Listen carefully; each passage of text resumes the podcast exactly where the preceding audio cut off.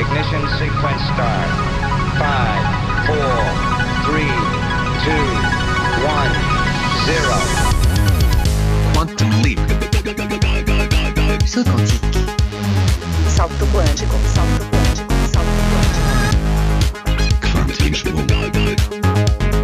Salto quantico. Salto quantico. Kvantum, det du inte visste att du ville veta. Hej på er kära vänner och välkomna ska ni vara till Kvanthopp. Markus Rosenlund, det är jag det. Vi inleder med en snabb koll i den historiska backspegeln. Den här veckan för 56 år sedan skrevs en sorts rymdhistoria i och med att den första katten i rymden blev ett faktum. Det skedde alltså den 18 oktober 1963. Katten i fråga hette Felicette och det var varken USA eller Ryssland som sköt upp henne, det var Frankrike faktiskt. Det var meningen att en annan katt skulle göra resan, Felix hette han, men han rymde samma dag som avfyrningen skulle äga rum.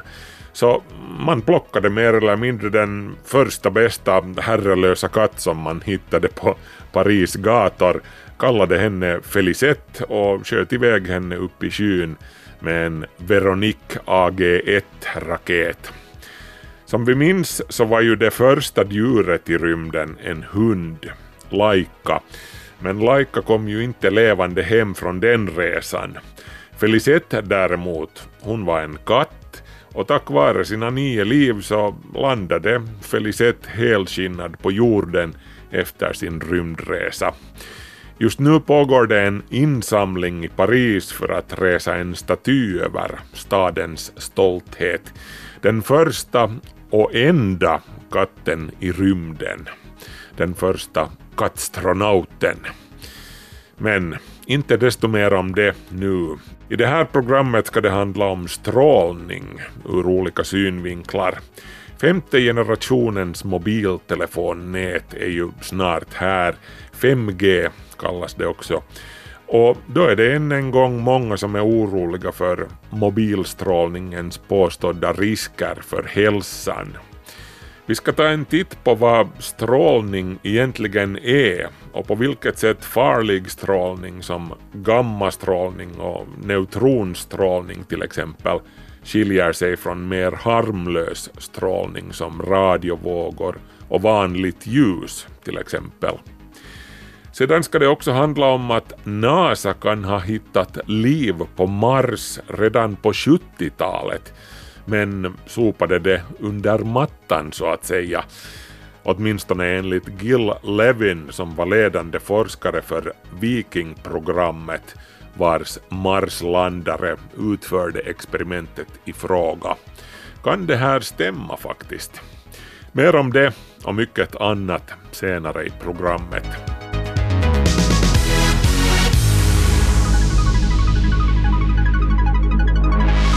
Men vi inleder utbudet med veckans notiser.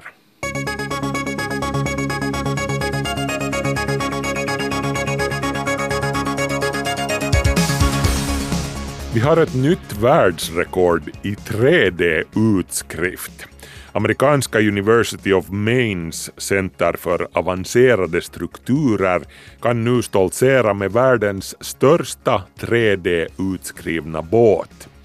Båten är av plast och har fått namnet 3 Dirigo. Den är 7,6 meter lång och väger 2300 kilo. 3 Dirigo är inte bara världens största 3D-utskrivna båt, den är också världens största 3D-utskrivna föremål. Punkt.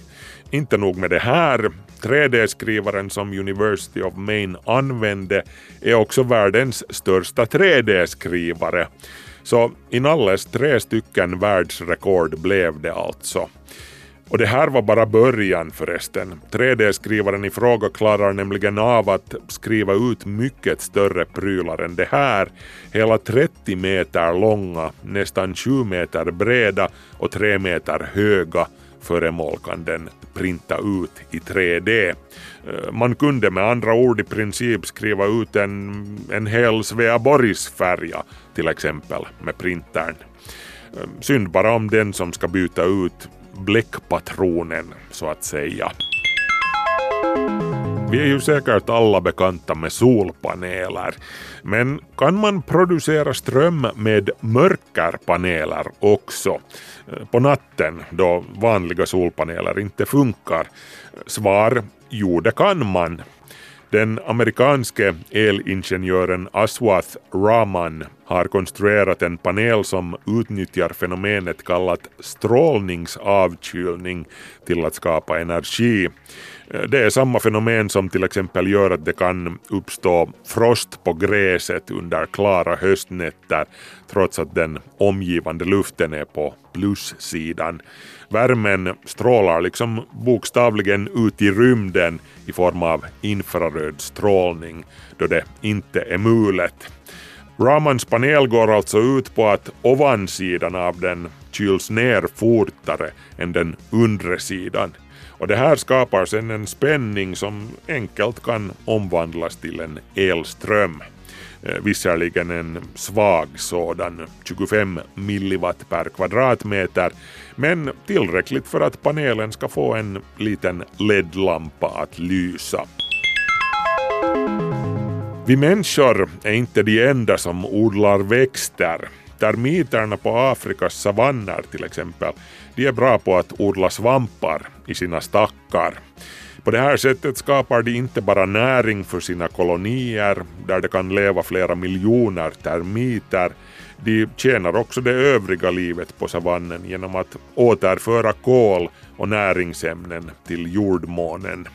Forskaren Risto Vesala som disputerade på det här temat vid Helsingfors universitet nu i dagarna konstaterar att svamparna dessutom ofta är sådana som bara existerar just i de här termitstackarnas inom citat källare. Termiterna har med andra ord förädlat fram svamparna själva. Vissa termiter odlar bara en sorts svamp i sin stack, andra odlar tre olika sorter som de kan välja mellan sedan. Vesala gjorde också den intressanta iakttagelsen att de bästa bitarna av svamparna serveras åt stackens drottning exklusivt och åt de yngsta larverna medan arbetarna och soldattermiterna sen får nöja sig med rester.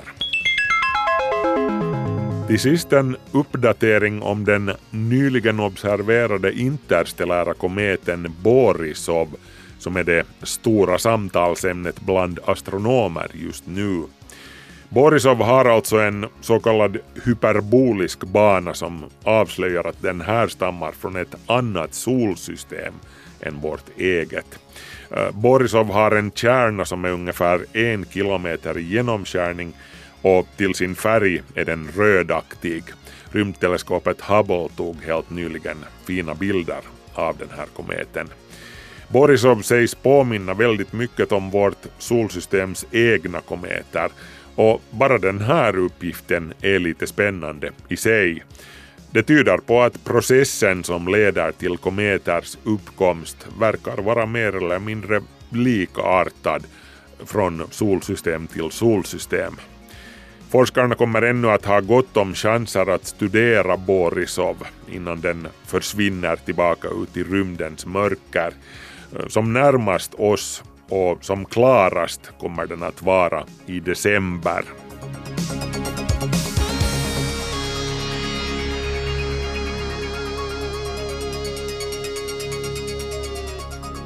så kan vi ännu notera att världens första helt och hållet kvinnliga rymdpromenad ägde rum vid internationella rymdstationen på fredag eftermiddag finsk tid.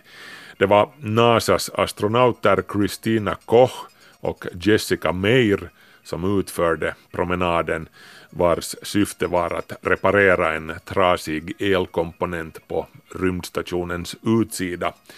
Jessica Meir har för övrigt en svensk mamma och en israelisk pappa, så lite nordiska färger har vi med i den här historiska bilden. Grattis hur som helst till en historisk rymdpromenad. Det här är en Svenska Yle-podd.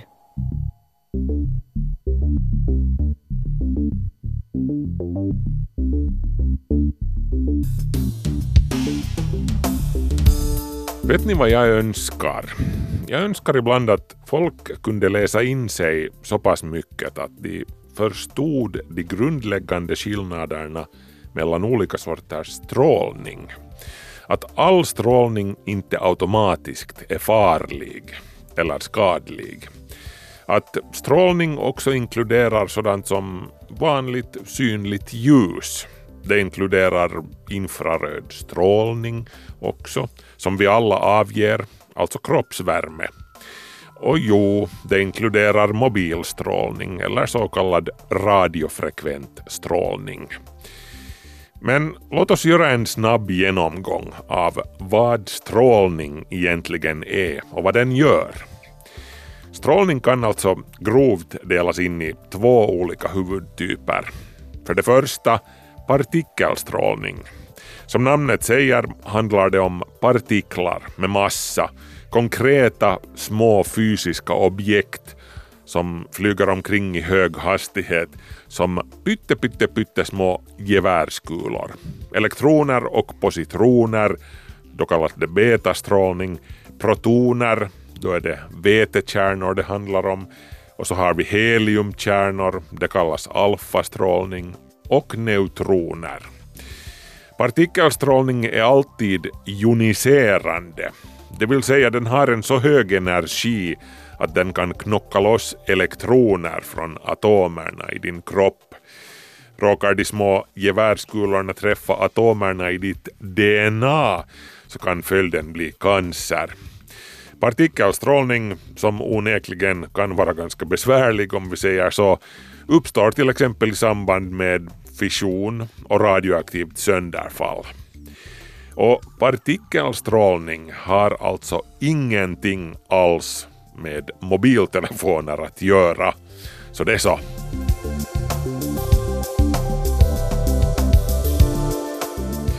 Vilket för oss till den andra huvudtypen av strålning, elektromagnetisk strålning. Och det här omfattar då alltså radiovågor, mikrovågor, infrarött ljus, synligt ljus, ultraviolett, röntgenstrålning och gammastrålning. Allt det här handlar alltså om fotoner i princip på olika våglängder, inklusive röntgen och gamma. I princip är de här höga frekvenserna ultraviolett, röntgen och gamma eh, vanligt ljus med väldigt kort våglängd och hög energi.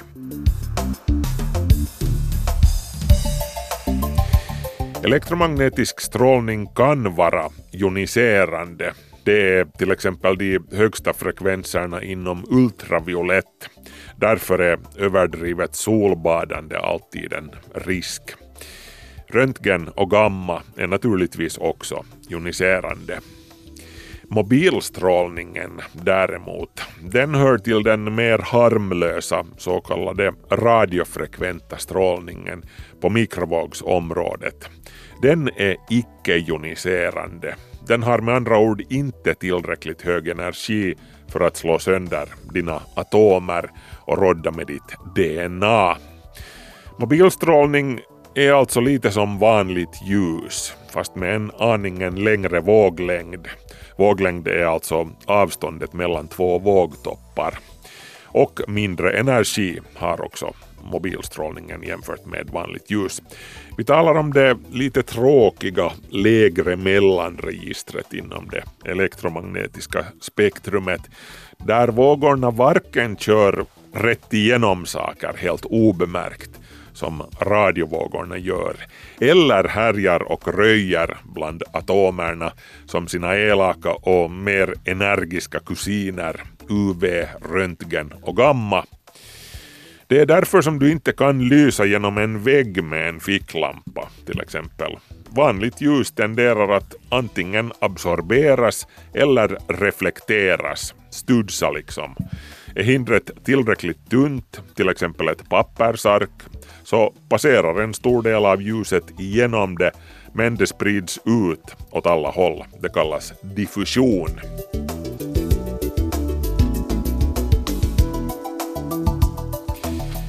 Vill du alltså gå igenom väggar med strålning så ska du köra med radiovågor som huserar längre ner i det elektromagnetiska spektrumet. Ju längre ner på skalan desto lättare går vågorna igenom eller runt olika hinder. Med sin långa våglängd och låga frekvens är radiovågorna liksom för lata inom citat för att alls orka slå sig i slang med atomerna som de möter. Så de passerar tämligen obehindrat genom saker och ting utan att absorberas eller skingras.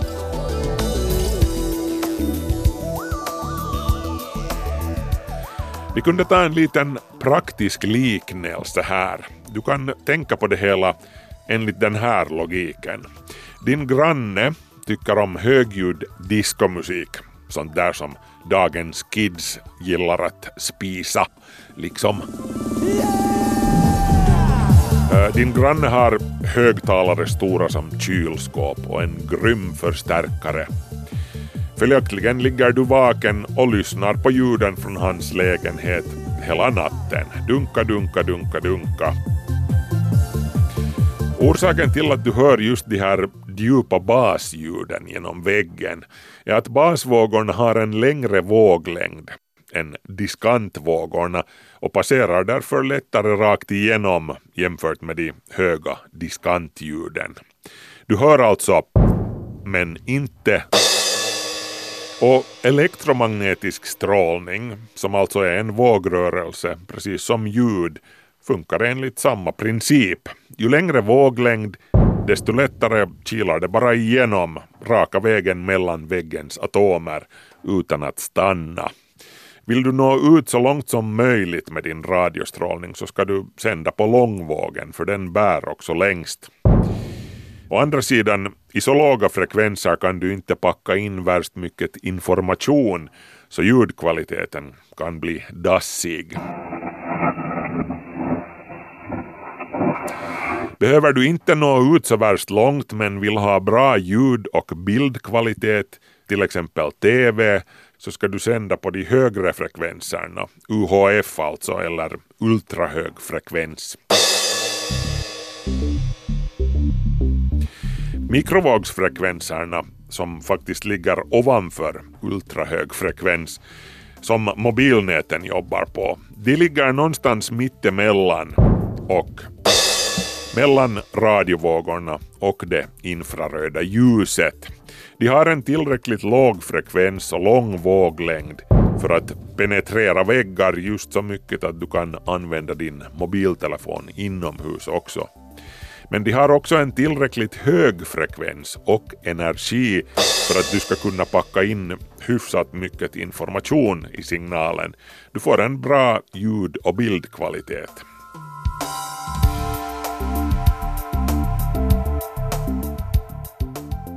Vi ska nu fortsätta med vår titt på mobilstrålning. Som vi nyss hörde så ju längre våglängd elektromagnetisk strålning har, desto längre räckvidd och desto bättre tränger den igenom olika hinder.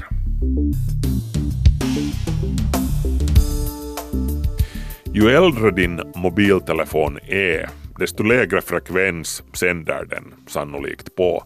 De första NMT-telefonerna till exempel, kommer ni ihåg dem? De sände på 450 MHz, vilket var nödvändigt eftersom det var så långa avstånd mellan basstationerna på den tiden. Renskötarna på fjällen i Lappland älskade till exempel NMT 450 för de kunde hålla kontakten med familjen över ödemarkens långa avstånd med NMT 450. Sedan kom nästa generations mobiltelefon, NMT 900, med dubbelt högre frekvens, fast fortfarande. Och det här betydde att den med sin högre bandbredd kunde betjäna den ökade mängden användare och större informationsmängd som behövde sändas. Det här krävde ett tätare nätverk av antenner för 900 MHz har en sämre räckvidd än 450 MHz.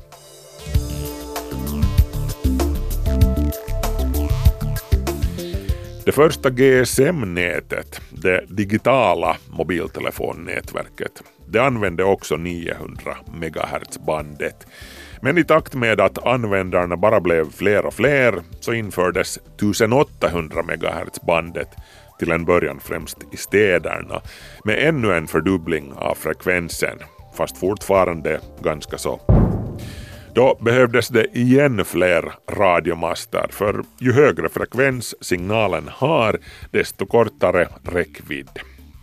Och för varje ny generation av mobiltelefoni 3G, 4G och så vidare har frekvenserna trissats upp an efter för att ge en större bandbredd så att nätverket ska orka skyffla dina Netflix och Spotify-data fram och tillbaka medan du väntar på bussen. Vi befinner oss hur som helst fortfarande inom mikrovågsbandet som sträcker sig från 300 MHz till 300 GHz, det vill säga en meter till en millimeters våglängd. För att packa in maximalt med data i signalen, det är ju liksom det som gäller nu för tiden, kan 5G i princip utnyttja frekvenser ända upp till mikrovågsbandets övre gräns 300 GHz som sagt. Och det här är så gott som infrarött. Men då måste radiomasterna verkligen sitta supertätt, basstationerna alltså. I praktiken så måste det vara inom synhåll från din telefon för att det här ska fungera. Och det här beror just på att 5G-signalen är så dålig att ta sig igenom hinder eftersom den skingras och reflekteras lättare än de äldre nätverkens signaler. Och grejen är alltså den här, och nu kommer vi till den verkligt viktiga biten. Eftersom 5G-frekvenserna ligger i den övre delen av mikrovågsbandet är 5G-signalen också dålig på att penetrera din hud. Din hud reflekterar helt enkelt 5G i en klart högre grad än 2G och 3G, till och med mer än 4G. 5G borde alltså enligt den här logiken vara tryggare än 4G, din gamla telefon alltså.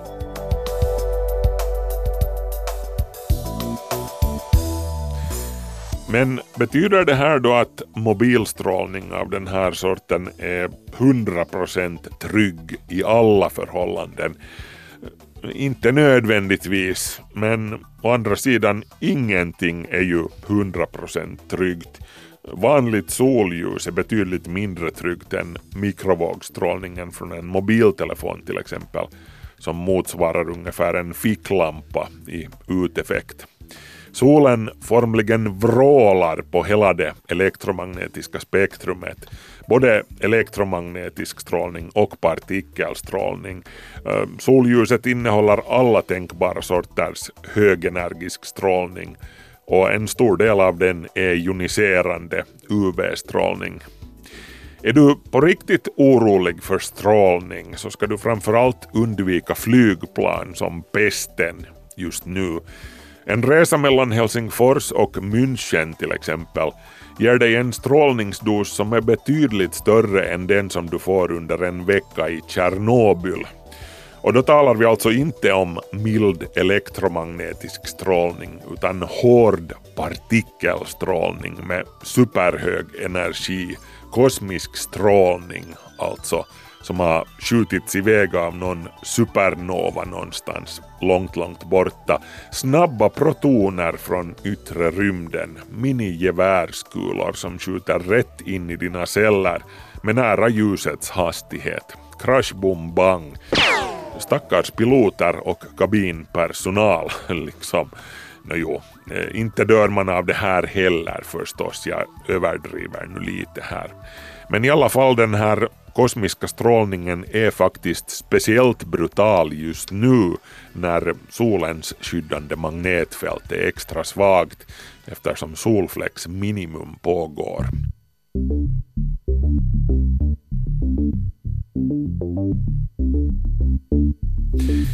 Nå jo, men i och för sig ingenting nytt i det här heller. Livet har under sin nästan fyra miljarder år långa bana här på jorden badat i alla tänkbara sorters strålning, inklusive riktigt hård joniserande sådan. Livet har faktiskt utvecklats, dels tack vare olika sorters strålning. Vi är ganska garvade helt enkelt när det kommer till det här. Men det här betyder ju förstås inte att man avsiktligt behöver utsätta sig för risker, hur små de än är. Eh, man måste ju inte sova med wifi-modemet under huvudkudden om man nu utgår ifrån att det här är en risk. Ehm, men just den här påstådda risken med 5G-strålning som det talas om så mycket just nu, det skulle jag faktiskt inte förlora någon nattsömn över. Det måste jag bara säga här och nu.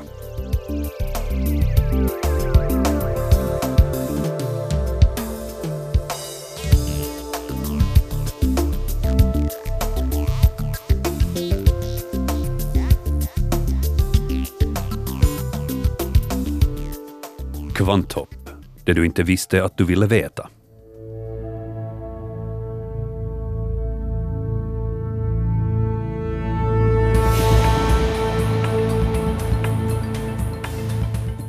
hittade NASA liv på Mars redan 1976 men sopade upptäckten under mattan. Det finns de som hävdar att så här är fallet. Och det är inte foliemössor och ufo-entusiaster som hävdar det här utan det är en av NASAs egna ledande forskare som var direkt inkopplad på NASAs Mars-program vid den här tiden.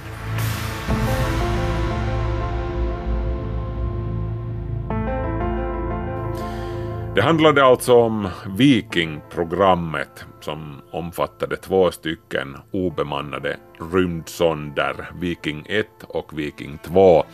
De skickades till Mars 1975 för att ta en närmare titt och bland annat leta efter tecken på liv, eller så kallade biosignaturer. Faktum är att Viking-programmet är det mest ambitiösa och påkostade Mars-programmet till dags dato. Viking-expeditionerna som helhet var mycket framgångsrika och faktum är att Viking 1 och 2 stod för så gott som all den samlade detaljerade information som vi hade om Mars ända fram till slutet av 1990-talet och början av 2000-talet. Båda expeditionerna bestod dels av en satellit som parkerades i omloppsbana kring Mars där de fotograferade planetens yta och dels så fungerade de här satelliterna som kommunikationslänk mellan jorden och den landare som sattes ner på själva planetens yta. Ett av de uttalade målen med Vikingsonderna var som sagt att leta efter tecken på liv på den röda planeten, liv i form av mikrober. Det här gjorde de med hjälp av ett lika enkelt som genialiskt experiment som härstammar från ingen mindre än Louis Pasteur som kom på den här idén och utförde en tidig version av testet 1864. Det här billiga, enkla experimentet som i princip kan göras av vem som helst, var som helst, eh, används fortfarande allmänt för att avgöra till exempel om vatten är drickbart eller om det innehåller skadliga mikrober. Experimentet så som NASAs Viking-program utförde det går i korthet ut på att ombord på själva Marslandarna fanns en liten behållare med näringslösning i. I den placerades ett jordprov som Marslandaren snappade upp från planetens yta. Fanns det mikrober i det här jordprovet skulle de omedelbart börja kalasa på näringen i vätskan och deras ämnesomsättning skulle få dem att producera gaser. Pruttar liksom. Det här skulle sedan uppdagas i form av bubblor i näringslösningen. Till det här experimentet hörde att man hade en separat behållare med samma näringslösning som man också lade ett jordprov i.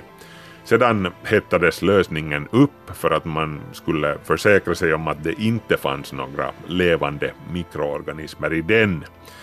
Dök det upp bubblor i den icke-steriliserade lösningen men inga bubblor i den steriliserade så då visste forskarna att det fanns liv i den lösning där bubblorna dök upp.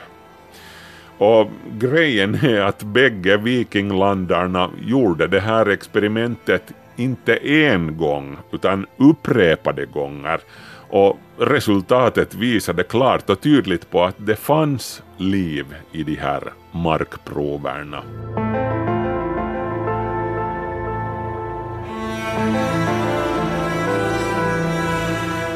Gilbert Levin, så heter alltså forskaren som var ledande vetenskapsman för Vikingprogrammet. Levin och hans kollegor också faktiskt har ända sedan slutet av 70-talet hävdat att Vikingteamet de facto hittade liv på Mars den där gången för mer än 40 år sedan. Levin har nu som sagt skrivit en artikel om det här som publicerades i den respekterade vetenskapstidskriften Scientific American nu i dagarna.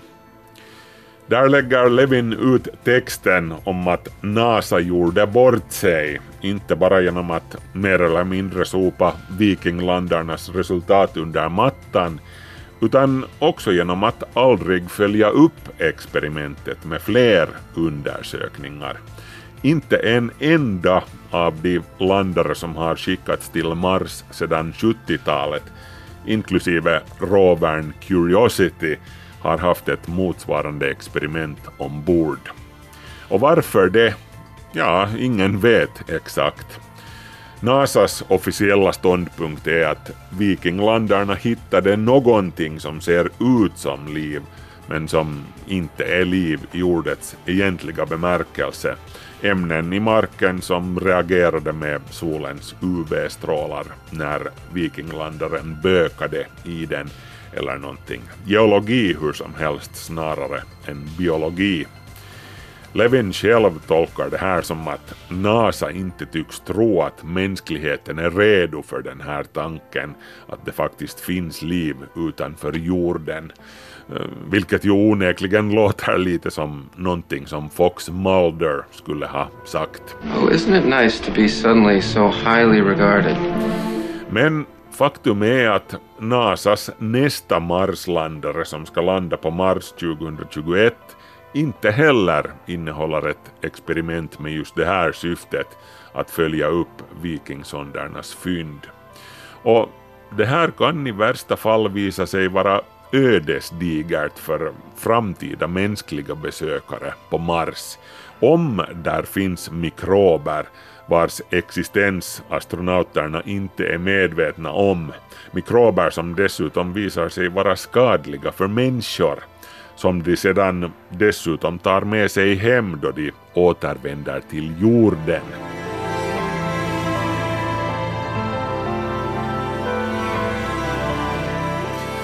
Nå, hur som helst, om det skulle visa sig ligga någonting bakom det här, att NASA faktiskt hittade liv på Mars redan 1976, så skulle ju det livet ironiskt nog sannolikt vara ganska så nära besläktat med det jordiska livet. Som Gilbert Levin själv konstaterar ganska träffande våra planeter har ju utväxlat spott upprepade gånger längs med årmiljarderna. Ett forskarteam på universitetet i Kyoto i Japan till exempel gjorde för flera år sedan beräkningar om och kring det här. Eh, ta nu den 10 kilometer stora asteroiden som ändade dinosauriernas världsherravälde för 65 miljoner år sedan den kollisionen slungade ut miljarder ton stenbråte i rymden, stenar nedlusade med allsköns mikrober och alger. Forskarna räknade ut att upp till 300 miljoner stenar från den krocken kan ha slungats ända ut till Mars och till Jupiters måne Europa som är en av de främsta kandidaterna i solsystemet till att hysa rätt sorts förhållanden för liv. Och den här sortens krockar har ju inträffat upprepade gånger sedan jordens barndom. Men på något sätt borde då alltså de här stenarnas mikrobpassagerare ha överlevt resan, utsatta som de var för rymdens hårda vakuum och solens brutala UV-strålning. Det är faktiskt inte alls så långsökt det här. Vi vet ju att vissa sorters bakterier kan överleva längre tider i rymdens vakuum. Man har ju till exempel hittat levande bakterier på internationella rymdstationens utsida.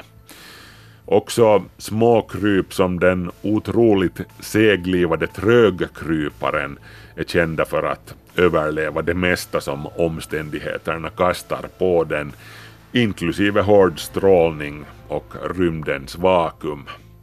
Så livet kan mycket väl ha skyttlat av och an mellan jorden och Mars flera gånger om.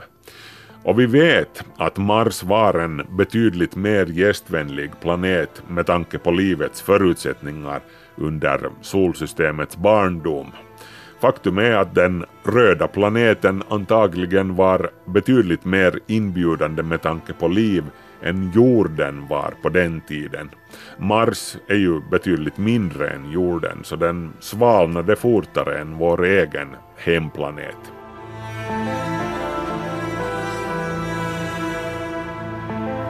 Och vi vet också att Mars hade vatten i flytande form på den tiden. Hav, floder, sjöar och regn. Det är ju ett faktum faktiskt att det till och med numera tidvis förekommer små mängder flytande vatten där borta då förhållandena är de rätta. Kan man då säga att frågan om liv på Mars skulle vara avgjord i och med det här? Eh, nej, naturligtvis inte. Mycket mer forskning krävs innan vi kan slå fast den saken, eller dess motsats. Men den forne forskningschefen Gil Levins kritik gentemot sin arbetsgivare NASA är intressant nog för att man åtminstone ska önska att framtida expeditioner förses med redskapen för att följa upp vikinglandarnas experiment.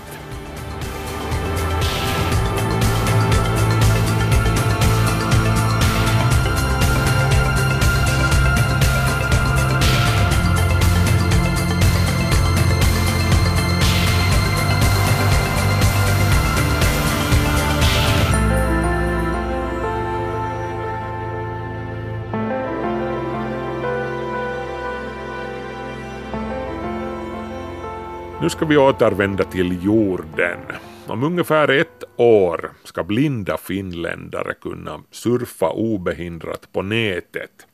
De flesta viktiga webbplatser ska då vara tillgängliga för så gott som alla enligt en lag om digitala tjänster. Vår reporter Niklas Fagerström fortsätter. Helsingforsbon Emma Rasela har varit blind sedan födseln. När hon surfar på nätet läser datorn upp innehållet. Anteeksi, linkki, linkki, kommunen, linkki, värmkäskola, linkki, omsorg, linkki, hyvä keto, vierailu, linkki, fritit ja kultur. Men att hitta fram till rätt ställe på en webbplats är ofta en utmaning.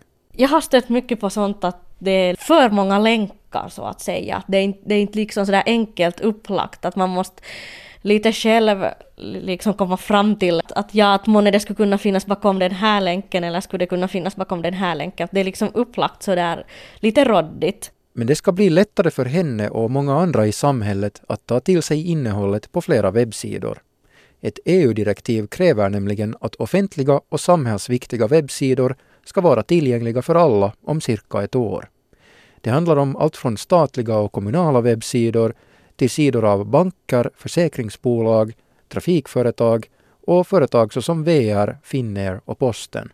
Överinspektör Viana Rainio på Regionförvaltningsverket. Vi främjar ju jämlikhet i det digitala samhället genom att följa tillgänglighetskraven och vi vill ju att alla ska kunna ta del också av de digitala tjänsterna. Vad är då vanliga problem med tillgängligheten? Det finns ju massor med olika tillgänglighetsproblem som kan uppstå, men ett vanligt fel kan till exempel vara det här med kontraster, att man inte har tillräckliga kontraster mellan då till exempel bakgrund och text, och då är det ju väldigt svårt för vissa personer att urskilja då innehållet. Och ett annat vanligt fel kanske kan vara det här att man saknar då så kallade alttexter till bilder, fotografier som man har på en sajt. En alttext beskriver alltså det som syns på bilden. Rainio säger att lagen främst beaktar personer med någon funktionsnedsättning. Men också ibland så kan det ju vara så att man till exempel använder någon tjänst i klart solsken och då är det ju väldigt bra att man har tagit hänsyn till tillgängligheten för då funkar det bra för oss alla. Den offentliga sektorns sajter ska vara tillgängliga i september nästa år medan de privata har tid på sig fram till början av år 2021. På Åland gäller lagen bara de offentliga aktörerna. Svenska Yle har granskat en stor del av de aktuella webbsidor som måste bli tillgängliga.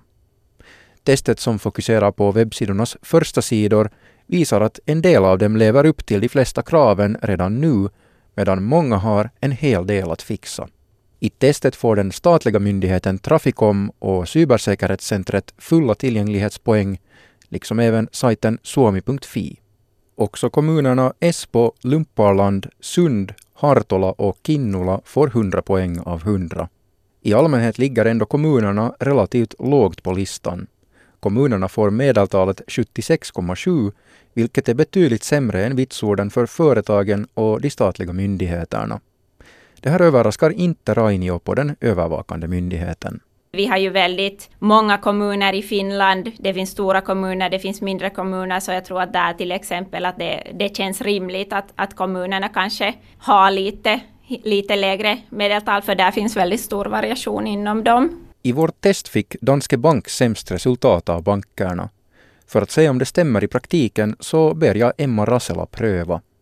Hon letar fram adressen till Danske Banks och Handelsbankens närmaste kontor på deras webbsidor. Det visar sig vara omöjligt på Danske Banks webbplats för den är enligt Rasela för svår att hitta fram på. Hon påpekar dessutom att skatteförvaltningens webbplats är mycket rörig, liksom också försvarsministeriets. I vårt maskinella test får försvarsministeriets sajt ett dåligt resultat medan skatteförvaltningens sajt däremot får ett bra resultat. Hon surfar också in på ett par kommunsidor som hon inte har varit inne på tidigare, bland annat Saltviks kommun på Åland. Om du försöker hitta fram till till exempel bibliotekets ja. öppethållningstider, hur, hur gör du då? Ja, no, jag har nu på den här datorn så har jag en sån här mus då, som jag då bläddrar med med fingret så här. Okej, och den säger då till exempel linki och sen vad som står ja, ja, där fri, i länken. Fritid och kultur sa den till exempel. Jag ber henne kolla när biblioteket är öppet på tisdagar. Hon hittar relativt snabbt fram till bibliotekssidan, men öppethållningstiderna är inne i en tabell. Ja, 8.30 då. 8.30 till 14 står det. Ja, 10 till 14 står det sen. Och sen 10 till 14. Ja. Hur ska man tolka det här? Ja, det är nog svårt att säga faktiskt. Jag nämner att svaret finns högre upp på sidan. Där förekommer ett par ord.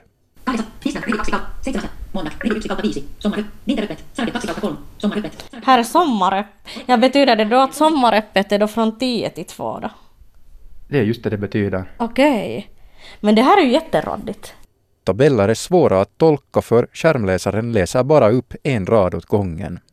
Rasela betonar att det också har stor betydelse hurdana hjälpmedel en person med synnedsättning har. Om de är äldre så kanske de inte fungerar lika väl med moderna webbsidor. Hon är glad över att det ska bli lättare för personer med synnedsättning att använda webben i och med ökad tillgänglighet. Jag tycker att det är jättebra eftersom det där vi har ju också rätt att använda de här sidorna och, och, man kan ju inte räkna med att alla har någon som hjälper till med det här att använda de här sidorna. För Emma Rasela själv kommer det att innebära mer frihet i vardagen och att hon bättre kan värna om sitt privatliv. Yle omfattas inte av webbtillgänglighetsdirektivet men bolaget försöker ändå leva upp till det. Niklas Fagerström var reporter i inslaget som ni hörde där.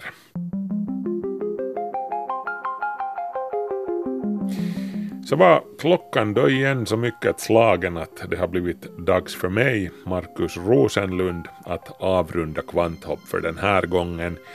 Men var det någonting ni missade så finns programmet ju på Yle Arenan.